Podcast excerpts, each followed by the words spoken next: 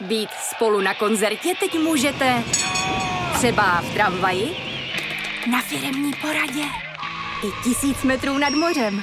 Jsme tu, abyste mohli být mezi svými kdekoliv. Tak zůstaňte ve spojení díky datům na naší nejrychlejší mobilní síti v Česku. T-Mobile.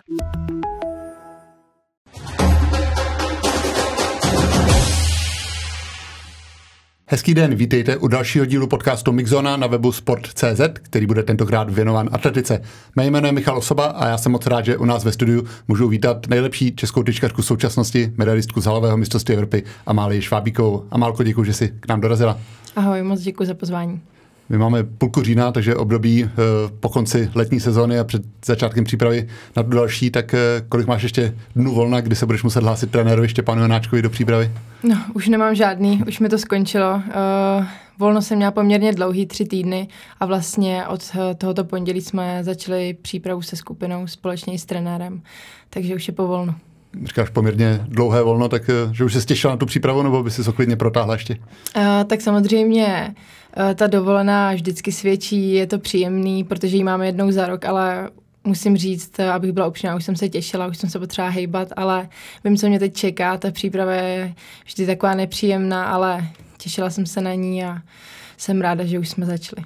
Kdo tě sleduje na Instagramu, tak viděl, že tu dovolenou si měl poměrně pestrou, ale přišlo mi, že to nebylo úplně válení si u vody, ale že jsi byla v přírodě v horách, takže nemáš ráda tu úplnou neaktivitu, ale i v tom volnu potřebuješ eh, se trošku hýbat aspoň. No já bych si klidně úplnou tu neaktivitu dala, nějakou, nějaký to moře, nějakou uh, pořádnou dovolenou, ale tím, že můj přítel uh, Ondra Kopecký ještě měl závody vlastně na konci září, tak jsem to tak musela přizpůsobit a bylo to poměrně aktivní, že jsme různě měnili místa, nebylo to vyloženě takový odpočinkový, ale o to víc jsem si to užila. A Malko, jsi byla úspěšná atletka už eh, od těch mládežnických kategorií, z těch eh, největších úspěchů, jmenujeme titul juniorské mistrně světa a teď už ty úspěchy sbíráš i mezi dospělými. Není to úplně samozřejmost, je určitě víc těch atletů a sportovců, kteří na ty juniorské úspěchy nenavázali, tak eh, kdybych měl říct ze svého pohledu, co je nejtěžší na tom přechodu z těch juniorských let do těch dospělých, protože taky ti to chvilku trvalo, než jsi se mm-hmm. dostala mezi tu špičku, tak je to hlavně o té trpělivosti, že člověk nesmí chtít všechno hned? Uh, určitě, myslím si, že to je o, o té trpělivosti, hlavně o tom vydržet uh, zdravý, protože to se u spousty lidí uh, stane, že třeba zdravotně neudrží a musí kvůli tomu skončit a hlavně vás to musí bavit. Myslím si, že fakt ta píle a to, že ten sport milujete a věřit si a prostě dosahovat těch svých cílů a snů. No. Neměla jsi nikdy žádnou krizi, že by si pochybovala o tom, jestli tě pořád baví a naplňuje skákání o tyči? Musím říct, že neměla. I přesto, že jsem vlastně měla tu stagnaci a vlastně ty dva roky, kdy se to nějak výrazně neposouvalo, tak pořád mě ta tyčka bavila, vlastně eh, ten sport milu, obecně tu atletiku a nikdy jsem neměla asi v hlavě takový to, že bych s tím chtěla skončit. A ta silná hlava nebo silná psychika je eh, v mnohem klíčová, ale to je tvoje silná stránka, ty mm-hmm až na výjimky ty vrcholné akce zvládáš, zvládáš třetí pokusy, které bývají často stresové, tak eh, já vím, že už si dřív říkala, že to máš tak eh, odmala, že, tak funguje to tak třeba v civilním životě, třeba ve škole, že byly nějaké písemky, tak si se tím nestresovala, jsi opravdu klidě, kterého jen tak nic, nic nerozhodí? Uh, jsem kliděs, ale i co se týče školy, tak uh, hodně nervózní jsem byla u maturity. I přestože jsem právě poměrně docela klidná, tak uh, v nějakých případech samozřejmě ta nervozita převládá, ale uh, Eh, vždycky potom, když už eh, na to dojde vyloženě, tak se snažím uklidnit a většinou to dobře dopadne. Ale samozřejmě taky jsem se k tomu musela propracovat. Jsem taková, že eh, věci moc neřeším, jako nedělám si z toho velkou hlavu, ale i na těch vrcholových akcí, vlastně když jsem začala jezdit, nebo když jsem se poprvé zúčastnila nějaký seniorský akce, tak taky samozřejmě ta hlava pracuje a nebylo to úplně tak ideální, ale postupem času jsem se k tomu propracovala a teď uh, jsem tam, kde jsem a díky tomu se mi třeba i právě podařilo vybojovat tu bronzovou uh, medaili. Hmm. Co ti pomáhá na ten klid eh, před závody? Jsi typ, který potřebuje být sám, koncentrovat se na ten závod, nebo spíš komunikovat s ostatními a přijít třeba i na jiné myšlenky než ten závod? Komunikovat asi s ostatními. Já nejsem taková, že bych se uzavírala do sebe. Já mám naopak ráda uh, povídat si i během toho závodu jako s, s těma hmm. holkama, být taková uvolněná, spíš se právě uh, nestresovat z toho závodu a nějak uh, vyloženě se do sebe neuzavírat. A mám i ráda samozřejmě ty diváky a ty fanouš, uh, fanoušky, protože mě to více jako nakopne vždycky. Takže během závodu už máš vytipované závodnice, které třeba rády prohodí e, mezi pokusy pár slov a které naopak e, si přejí být nerušeny. Jo, přesně. Jako vždycky to vyplyne samozřejmě z té situace. Já nikoho nechci jako rozpilovat nebo tak. Vyloženě, když vidím, že ta holka se chce bavit, tak si s ní ráda pár slov prohodím, ale zase to není tak, že bychom uh, během toho závodu se nějak rozptilovali a celou dobu se tam povídali.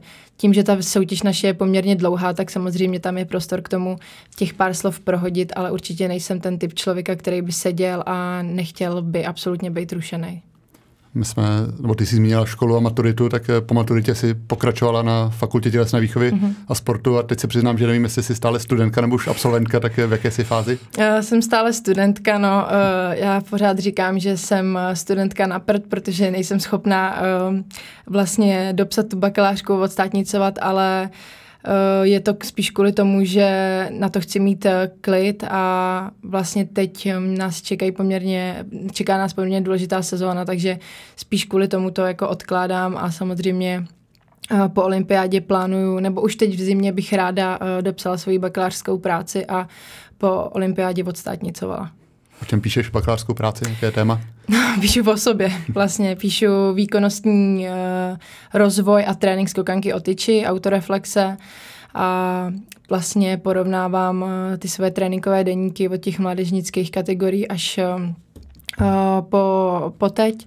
A vlastně přesně porovnávám to, kde došlo k tomu nejvyššímu výkonnostnímu růstu, kde došlo právě k té stagnaci a tak. A Uh, musím říct, že to je docela složitý, protože i přesto, že ten materiál k tomu mám, tak uh, je to takový, že píšete o sobě, a, ale zase na druhou stranu si uvědomujete a i sama si jako přehrávám, kde teda vlastně byly ty chyby a kde naopak se to zlepšovalo a je to dobrý, určitě je to přínosný. Že se z toho dá něco přenést i pak do toho tvého tréninku, že tam třeba objevíš něco, co fungovalo dřív a pak to aplikuješ i v současné přípravě? Jo, myslím si, že jo, ale spíš eh, je to jenom o tom, že přesně vidím, z jakého důvodu došlo k té stagnaci, třeba, že tam byl nějaký ten stereotyp a pak, že se změnil jako ten trénink a že to fakt ten můj uh, výkonnostní růst se vyvíjel tak hezky postupně, tak, jak by se mělo, že jsem nebyla nějak extrémně akcelerovaná a potom to prostě najednou spadlo a teď už to prostě není tam, ale je to fakt postupný od začátku až po sem tím, že se věnuješ atletice, atletika se tedy prolíná i tvým studiem, tvůj přítel je atlet, tvoje sestra je atletka, uh-huh. tyčkařka, tak eh, stane se ti někdy, že si to atletiku až přesycená, že si říkáš, teď už přestavíme se bavit o atletice, pojďme k něčemu jinému? Uh, jo, stává se nám to uh, často teď, když jsou ty dny volna, kdy máme vždycky po sezóně, tak se snažíme tu atletiku neřešit, ale samozřejmě během toho roku ji řešíme často a občas uh, už jako se snažíme brzdit, ale prostě je to součást našich životů a patří to k tomu, takže po atletické kariéře zase budeme řešit jiné věci, takže to k tomu patří jak jsi zmínila, tvým přítelem je Ondra Kopecký, desetibojář, vy jste spolu devátým rokem. Skoro no, osm a půl roku. Což je nejen na atletické poměry radita. Jak jste se poznali vlastně, myslím, v té době Ondra ještě závodil v Pardubicích možná, mm-hmm. tak na závodech nebo na soustředěních? Eh, potkali jsme se vlastně úplně poprvé na mezistátním utkání žadstva eh, na Slovensku, když jsme reprezentovali naší Českou republiku. Já jsem si ho první teda úplně jako nevšimla, on si mě vyhlíd a pak jsme si nějak začali psát a vlastně od té doby to trvá. od té doby se i podporujete na závodech. Eh, ty jsi ho teď byla podpořit v Talánc na tradičním desetibařském mm-hmm. meetingu, tak nebo vícebařském. Jak se ti tam líbilo sledovat dva dny závody? Nebylo to až dlouhé třeba, nebo bavilo tě to? Tak uh, mě to vždycky baví sledovat. Já Ondru opravdu ráda podporuji, ráda jezdím na ty jeho závody, ale musím říct, že to je pro mě extrémně náročný. Daleko náročnější, než uh, když závodím já sama. Protože přeci jenom když koukáte na to, že závodí vaše blíz, velmi blízká osoba vlastně a chcete mu nějakým způsobem pomoct a třeba se mu nedaří úplně tak, jak by si on přál, tak samozřejmě je to stresující a zrovna v tom deseti boji je to deset disciplín, může se vám jich pět povíst, jedna se vám nepovede a vlastně to zkazí celý ten, celý ten výsledek, takže pro mě to je opravdu uh, náročný, ale snažím se být vždycky v klidu a podporovat, to, podporovat ho jak nejlíp jako dovedu. No. Ondra byl naopak v hledišti na mistrovství světa v Budapešti, kam mm-hmm. se mhm. velmi těsně nekvalifikoval v desetiboji a i pomáhal třeba natáčet tvé pokusy, tak eh, na oplátku ty teď v Talánc fungovala si taky trochu jako rádkyně minimálně při té tyčkarské soutěži, protože myslím, že tam Roman Čabela mm-hmm. jako jeho trenér s ním nebyl, tak zapojila se si trenérsky, poradensky. Jo, přesně tak. Roman tam bohužel nemohl kvůli práci, kvůli zprávám, ale um, byla jsem tam já, měl tam ještě Ondra vlastně uh, svého takového kamaráda, fyzioterapeuta i právě takhle kouče, takže jsme si pomohli tak navzájem a uh, asi nějaký třeba rady uh, dobrý jsem mu předala a myslím si, že takhle je to, je to super, když si takhle můžeme pomoct navzájem. Potkáte se občas i na tréninku, protože myslím, že Ondra taky se Štěpánem Janáčkem spolupracoval mm. v minulosti, tak uh, máte občas i trénink, kde se potkáte přímo v sektoru?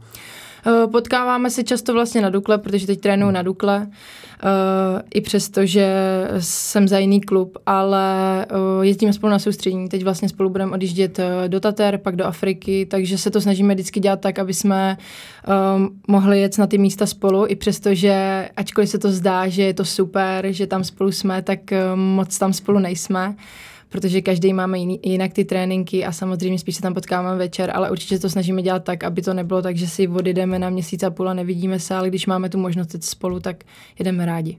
Vy máte oba trenéry, který, kteří byli ještě nedávno úspěšnými aktivními závodníky, jak jsme zmínili Roman Čebrle, olympijský vítěz, u tebe Štěpán Janáček, mm-hmm. bývalý český rekordman. Tak je to výhoda, když eh, trenér má ještě relativně nedávno za sebou tu aktivní kariéru, že se dokáže vžít lépe do pocitu závodníka, protože ty si předtím trénoval u pana Berana, který má obrovské trenerské zkušenosti, mm-hmm. vychoval spoustu špičkových závodníků a závodnic, ale přece měl už delší dobu té doby, kdy sám skákal. Já si myslím, že to je výhoda, protože samozřejmě eh, ten uh, když je ten trenér takhle mladý a um, prožil si vlastně podobnou kariéru, tak přesně ví, jako jak ten, uh, co ten atlet potřebuje a má ty zkušenosti. Zase na druhou stranu samozřejmě třeba tam není tolik těch trenérských zkušeností, ale uh, i ty zkušenosti toho závodníka jsou velmi cený a myslím si, že když ten uh, trenér k tomu přistupuje zodpovědně a i hledá nové techniky a právě zařazuje do toho ty svoje věci, ale naopak nemění úplně ty staré, které fungují, tak to vždycky funguje.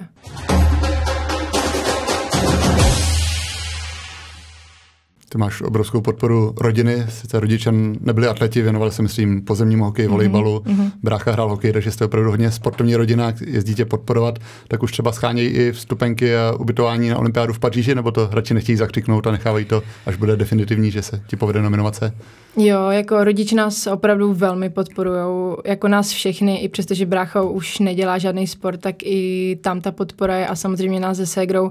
Oni, je potřeba říct, že oni to opravdu milujou, takže pro ně to není uh, nic, jako do čeho by se museli nutit a co se týče olympiády, tak uh, jsou koupený lístky, uh, ty lístky byly teda extrémně drahý, hmm. takže jenom vlastně pro rodiče, jenom pro ně dva na finále, ale není to vůbec tak, eh, vlastně i teď eh, na tom mistrovství světa v Budapešti museli přijet jenom na finále, protože na, kvalifika- na kvalifikaci měli vlastně jiný program, ale vždycky mi říkají, ať se ničím nesvazuju, že i kdybych, i kdybych tam nezávodila, do finále se nedostala a seděla bych s nima v hledišti, tak že to prostě nedělají kvůli tomu, aby se jeli podívat na mě, vytvářeli mi nějaký tlak, ale obecně i na tu atletiku a na tu atmosféru.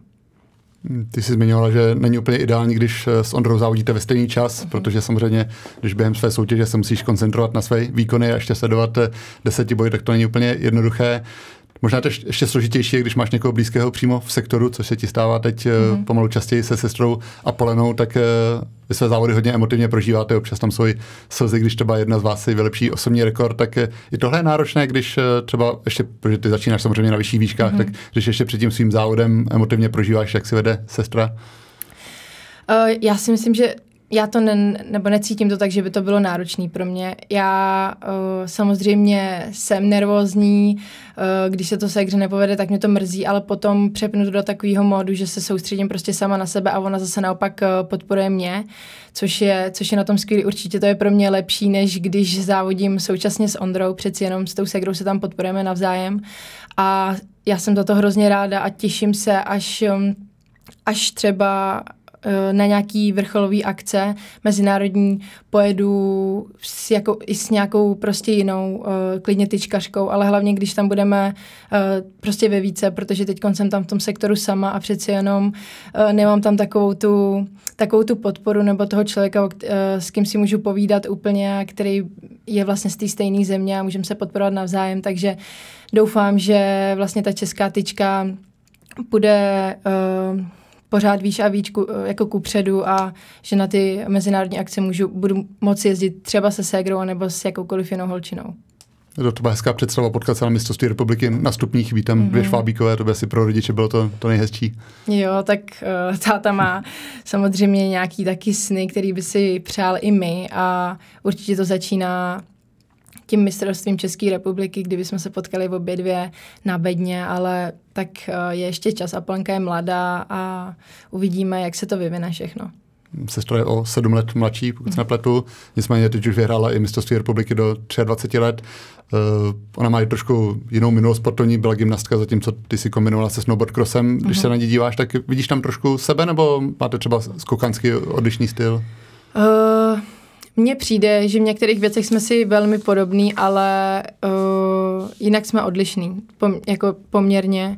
I jak somatotypem mi přijde, že sice jsme obě dvě vysoký, ale každá jsme úplně jiná, ale uh, já jsem asi ráda, že jsme každá jiná a že nejsme úplně ve všech aspektech uh, stejný a myslím si, že když se to všechno povede a Apču to bude hlavně bavit, takže by mohla být na uh, podobný úrovni, jako jsem byla já. Jaký jste spolu měli vztah, třeba když jste vyrůstali tím, že ten věkový rozdíl je mezi váma značný, tak bylo to spíš, si trošku se o ní starala spíš, než by to bylo takové hašteření, jako by bylo třeba mezi sourozenci, kteří jsou podobně staří? Uh, tak vlastně, když byla malička, tak samozřejmě, že jsem byla ta starší segra, starala jsem se o ní, ale my máme se segrou opravdu skvělý vztah. Uh, Samozřejmě tam pak dochází i k těm sesterským hádkám, eh, to hašteření, to tam k tomu patří. Mnohdy si řekneme i pár ne, eh, hnusných, nepříjemných slov, ale vždycky to vyřešíme a opravdu se navzájem milujeme a podporujeme. Ona má svého trenéra Pavla Berena mladšího. Lakal by vás, nebo tebe by lákalo třeba spolu jednou trénovat, protože vím, že jsi mi říkala, že teď vlastně se absolvovala většinu tréninku sama, což hmm. ti úplně nevyhovuje, že bys radši měla nějakou partěčku u sebe, se kterou bys mohla si popovídat a sdílet s ní ty hmm. tréninky.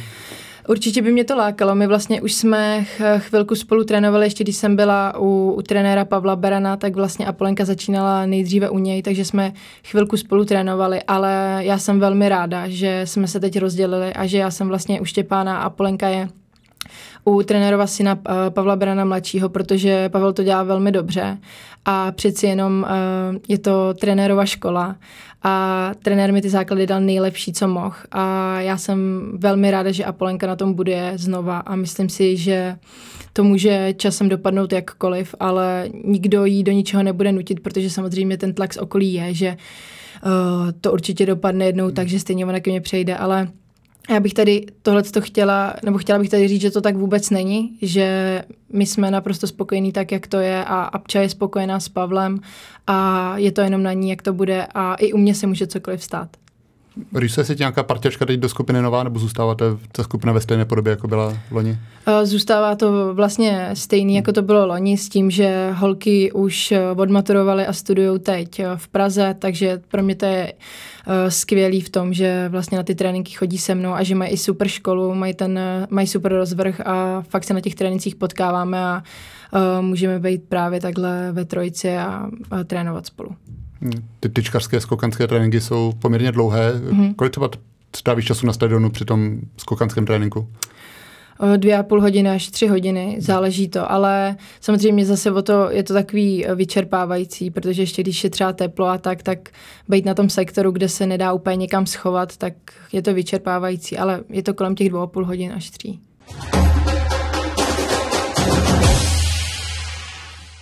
Kdo si chce zaběhnout stovku nebo skočit do dálky nebo třeba i hodit diskem, tak asi ne, není problém, ale ten pocit, jaký to je skákat to tyči, moc lidí nezažije, tak bych tě poprosil, jestli bys nás mohla provést tím pokusem, co vlastně všechno obnáší, tak eh, vlastně už začátek je to, že si musíš vybrat správnou tyč, mm-hmm. tak eh, kolik tyčí si bereš eh, na závody? Uh, myslím si, že mám ve obalu 10 závodních tyčí. Je to kolem 10, 10 tyčí s tím, že uh, využiju 6 až 8 tyčí, záleží to. A uh, abych upřímně řekla, já si ten skok uh, vždycky ani moc nepamatuju, ale jak bych, kdybych měla provést uh, posluchače vlastně tím skokem, tak přesně začíná to tím, že si musíme vybrat správnou tyč. To postupně si můžou těch tyčí, když se zastavíme ještě, tak liší se jenom tvrdostí a tím, jak se ohnou, nebo jsou různá délka? Ne, ne, ne, jsou, jsou samozřejmě různě dlouhý. Hmm když jsem byla žákyně, tak jsem měla tyče, které měly 4 metry, teď skáču na tyči, které mají 4 metry 50. Jasně, takže... A teď ty, co máš eh, těch 10 na závodech, to už jsou všechny 4,50 stejně dlouhé? No, ne, nejsou stejně dlouhé, já přecházím ze, ze 4,45 vlastně na 4,50 a, ale je to v rámci 5 cm, takže dá se říct, že jsou mm, stejně dlouhé skoro a každá je samozřejmě jinak tvrdá. Hmm podle čeho se pak s trenérem rozhodujete? Je to čistě podle té výšky, kterou máš na stěnech, nebo i podle toho, jakou cítíš zrovna rychlostní formu, jak fouká vítr, co všechno zohledňujete? Uh, tohle všechno, přesně, hmm. jak si řekl, záleží to na, na tom přesně, jaká je tam vejška, uh, jaký jsou povětrnostní podmínky, teplotní a samozřejmě i na tom, jak jsem na tom uh, dobře uh, fyzicky. Hmm. Další věc, kterou můžeš ovlivnit ještě před pokusem, je nastavení stojanu, mm-hmm. to mhm. znamená vlastně vzdálenost té mm. roviny laťky od místa, kde se odrážíš. Měníš eh, nastavení stojanu během závodu, nebo máš jedno stabilní, které... Ne, ne, ne, měním často, zase to záleží na tom, jak tvrdou tyč si vezmete, nebo jak je měkká, eh, jak vysoká výška to je. Všechno to záleží a ale jsem zrovna teda skokanka, která ty stojany zas tak, zas tak nemění. Maximálně přecházím ze 70 na 60 a to je tak, a, nebo z 60 na 80 je to tak jako různě, ale není to tak, že bych fakt skákala z blízkých stojanů na daleký jak ta debata o výběru tyče a stojanů probíhá při závodě? Necháváš to na sobě nebo na trenérovi, nebo každý řeknete svůj pohled a pak se nějak snažíte domluvit? Uh, většinou se v tom názoru potkáme, že buď já řeknu, že si myslím, že bych si měla vzít tvrdší, hmm. trenér mi řekne, že souhlasí se vším, co jsem řekla, nebo on naopak uh, mi řekne, jestli bych nechtěla vzít tvrdší a takhle to vlastně uh, funguje. Ale většinou už to ten uh, vlastně skokan uh, cejtí, že to prostě buď bylo měkký, nebo to bylo tvrdý, nebo ta tyč byla dostačující na další vejšku. Než se chystáš na pokus, tak si dáš na ruku magnézium, aby tyč neklouzala. Pamatujeme si Jelenu Simbávou, která mm-hmm. třeba používala ten černý štěpařský mm-hmm. vosk. Používá ho někdo, nebo teď už všechny? Uh, spoustu. No. Spoustu tyčkařek mm. ho používají. A já jsem vlastně do minulé sezóny magnézium vůbec nepoužívala. Mm. Mě to vadilo. Mně přišlo, že mi ta tyč vlastně víc klouže a Začal jsem ho používat až teď, ale s tím, že si nedávám žádný velký nánosy, fakt mi stačí jenom tak trošku spíš, abych tam měla ten pocit té jistoty. Ale uh, strašně to záleží. Někdo používá magnézium, někdo používá lepidlo, někdo právě ten štěpařský vosk. Hmm. Ale je to poměrně častý pořád ten štěpařský vosk. Hmm. A magnézium se asi z těch rukou dostává pak líp. Přijde vždycky štěpařský vosk, kde to je Jo, hlavně já, když vidím u těch holek, jak mají zničený to oblečení od toho, všechno černý, ale tak zase je tam ta jistota opravdu veliká, protože ono to hmm. lepí a ty tyče se dobře drží, takže to chápu, že pak, když už ta tyčkařka má právě nějakou tvrdou, dlouhou tyč, tak chce mít fakt tu jistotu když se pak blíží ten okamžik rozběhu, ty sleduješ venku a vítr, tak dokáže říct, eh, co ti běží hlavou? Že, když jsme zmínili i Sembévovou, tak vždycky má nějakou průpovídku, kterou jakoby tyč, tyči povídala, Polka Monika Pereková, ta tu tyč mm-hmm. vždycky tak hladila, tak eh, na co myslíš ty v ten moment? Já asi myslím na to jenom, uh, abych měla, uh, abych zachovala klidnou hlavu a soustředila se na ten skok, co tam mám udělat, ale samozřejmě se i sama pro sebe tak jako povzbudím, že si řeknu takový to pojď a málo prostě nebo něco takového. Vždycky se to řeknu tak sama pro sebe, ale spíš se soustředím na to, co mám uh, jako udělat vlastně. Hmm. Pak se rozběhneš, kolik kroků má tvůj rozběh v té hlavní hmm. části sezóny, v té ideální formě? Uh, tak vlastně můj závodní rozběh má 16 kroků, no. Je to tak u všech uh, Je to kolem 34 hmm. metrů. Hmm. A záleží to. Někdo hmm. má 14, uh, 14 krokový rozběh, někdo závodí z kratších třeba z 12 a někdo má dokonce až 18. U kluků hmm. je to vlastně od 20 až do 22 třeba kroků. Hmm. Ale ten 16 je takový standard, bych řekla pak je důležité to místo odrazu, hmm. kde máš si značku svojí, tak eh, sleduješ ji během toho rozběhu, nebo spíš se soustředí, věří, že to vyjde, tak jak to máš zažité? Já mám spíš značku na posledních šest kroků. Hmm. Během toho odrazu už vlastně ten tyčkař není schopen to vidět, protože vlastně nekoukáme pod sebe. Ale já mám odraz poměrně blízký, což je eh, tím, jak jsem vysoká, mm, docela problém, protože právě se mi může stát to, že si můžu udělat něco se zádama, nebo vlastně z těch blízkých odrazů mě z toho pak bolí záda, což naštěstí teď už ne. Ale jinak se ty holky odra... Já se odrážím v úrovni třech metrů a ty holky třeba v úrovni 3,50. No. Těch 3,50 je takový ideální odraz, eh, kde by jsme měli být na, na ty, s těma tyčema, který máme s tou dílkou vlastně. Hmm. Co se stane, když se odrazíš moc brzo nebo moc pozdě, jak se to projeví na tom skoku pak? Tak ono, i přesto, že se eh, člověk odrazí blízko nebo daleko, tak na té tyči se dá pracovat. Je to spíš o tom pocitu hmm. a o té práci na tyči. Eh, když se odrazí ta tyčkařka daleko, tak eh, samozřejmě ten pohyb, ten přechod a ten pohyb té tyče je delší, takže ta práce, práce je tam mm, o to víc potřeba, hlavně co se týče síly. Zase, když se tyčkařka odrazí moc blízko, tak do toho zvratu se dostane rychleji, protože jí to takzvaně utrhne, ale je to samozřejmě i nebezpečný, protože ta tyč se rychle narovnává a může se stát to, že spadneme do šuplíku nebo něco takového. Takže to záleží, ten ideální odraz, kde by měl být, je samozřejmě nejlepší, ale záleží to na tom, jak eh, ta holka je vyskákaná, jak to prostě, jak to prostě umí s tím pracovat hlavně. Hmm. Takže když pak stoupáš hlavou dolů směrem nahoru, tak uh, poznáš už, jestli ten skok má šanci na úspěch, nebo třeba už kolikrát si říkáš, tak tu už jsem se odrazil, tak špatně, že už to stejně neskočím? Uh, jo, poznám. Určitě to, jako v tom, uh, uh, v tom zvratu vlastně ten to cítíme, jestli, jestli je to dobrý, vyjde to. Samozřejmě pak nad tou laťkou ještě se dá udělat spoustu chyb, ale pokud eh, ten skok takzvaně hmm. doděláme, tak, eh, tak s největší pravděpodobností to dobře dopadne. ta práce nad laťkou je pro mě taky obdivuhodná, když člověk sleduje v těch zpomalených záběrech, eh, protože samozřejmě to probíhá ve značné rychlosti, ale ty stíneš reagovat, zvednout ruku, zaklonit se trochu, nebo to je už jako zautomatizovaná reakce, jak se vlastně pohybuješ nad tou mm-hmm. laťkou? U mě to je velmi zautomatizovaný, já jsem v tom docela nevědomá tady v tom, protože já se vždycky ocitnu nad laťkou a najednou padám dolů, ale spoustu holek právě nad tou laťkou jsou velmi vědomé a umí přesně, krásně jako kulminovat nad tou hmm. laťkou, hezky se tam vohnout. I dřív bylo v pravidlech, že se mohla vlastně přidržet laťka a spoustu eh, tyčkařek to využívalo, dnes už je to vlastně hmm. zakázaný, ale u mě osobně to takhle není. Hmm. Já si to moc ne... Vždycky to tak nějak prostě dopadne, že kulminuju tak, tak dobře a pak už jenom letím dolů. pak už jenom letíš dolů na ty doskočiště, které dnes jsou už velmi měkká, třeba mm-hmm. těm dobám, kdy tyčka začínala, ale pořád je to pád z pěti metrů, tak mm. býváš třeba po těch závodech občas obouchaná, nebo stane se, že třeba dopadneš, samozřejmě dopadnout na laťku je asi nepříjemné, ale i někdy na to doskočiště, tak občas uh, cítíš ten náraz? Uh, spíše ne, ale je pravda, že na těch uh, mezinárodních akcí právě na, na mistrovství světa nebo na mistrovství Evropy dávají úplně nová doskočiště a jsou na nich poměrně tvrdý, tvrdý plachty. Takže vyloženě fakt, když ta atletka spadne do toho doskočiště, tak je to tvrdé, i přesto, že to nebolí, tak další den třeba může, můžeme cítit krční páteř nebo takhle, protože přeci jenom jsou to otřesy, ale mm, když vyloženě ta tyčkařka nespadne na laťku, třeba zádama nebo uh, jinou částí těla, tak, uh, tak to nikoho nebolí. Co může hodně bolet, je zlomená tyč. Občas se říká mezi tyčkaři, že kdo nezlomil tyč, tak není pořádný tyčkař. Mm-hmm. Tak uh, ty už jsi zažila tuhle nepříjemnost? Nezažila. Asi pořád nejsem uh, pořádný tyčkař, ale jsem za to ráda, protože uh, už se stává se i to, že vlastně když se někomu zlomí tyč, tak pak si vytvoří takový blok a uh, třeba dlouhou dobu nemůže skákat, protože má strach a myslím si, že já jsem ten typ člověka, který uh, kdyby se mu tohle stalo, tak uh, si vezme novou tyč a půjde do toho znovu, ale říkám to si jenom, nebo to si jenom myslím, nevím, jak by to bylo ve skutečnosti. Takže jsem ráda, že se mi to asi uh, doteďka nestalo.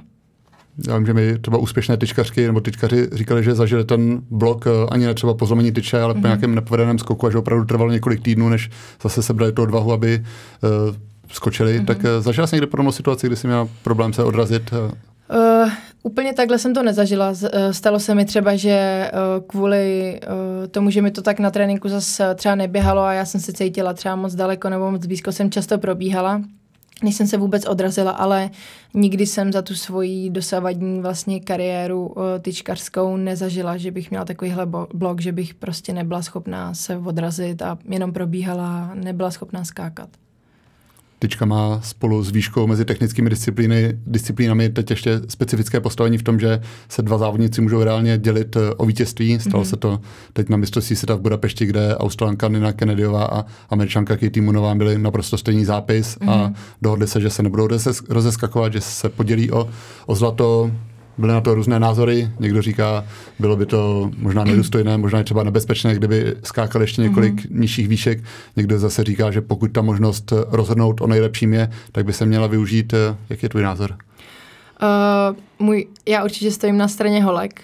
samozřejmě na druhou stranu chápu i ty diváky, že chtějí vidět prostě fakt toho vítěze a chtějí rozhodnout, ale ta tyčka je opravdu velmi náročná. Je to jak psychický, tak fyzický obrovský vytížení a tím, že oni v tom sektoru byli tři hodiny a opravdu by se ta medaile rozdělovala na vysokých výškách, kde je potřeba jak veškerá koncentrace, tak eh, fyzická síla a připravenost, tak už by to fakt v tomhle případě mohlo být nebezpečný. Takže já naprosto Rozumím tomu, že si uh, holky tu medaili rozdělili a že v obě dvě jsou mistrně světa, protože kdyby nechtěl být mistr světa.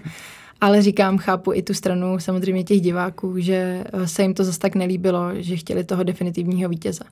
Takže hypoteticky, kdyby ty si se dostala na nějakých závodech do podobné situace, tak spíš by si byla nakloněna té, té mm. dohodě?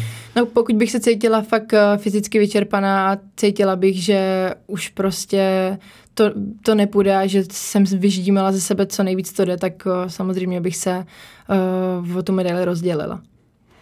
A Malko, my jsme tak probrali tyčkařský svět eh, ze všech stran. Já ti moc děkuji, že jsi byla hostem Mixzony a držím tě palce do přípravy, ať probíhá bez komplikací a ať je ten příští rok eh, minimálně stejně úspěšný jako ten letošní. Já ti moc děkuji.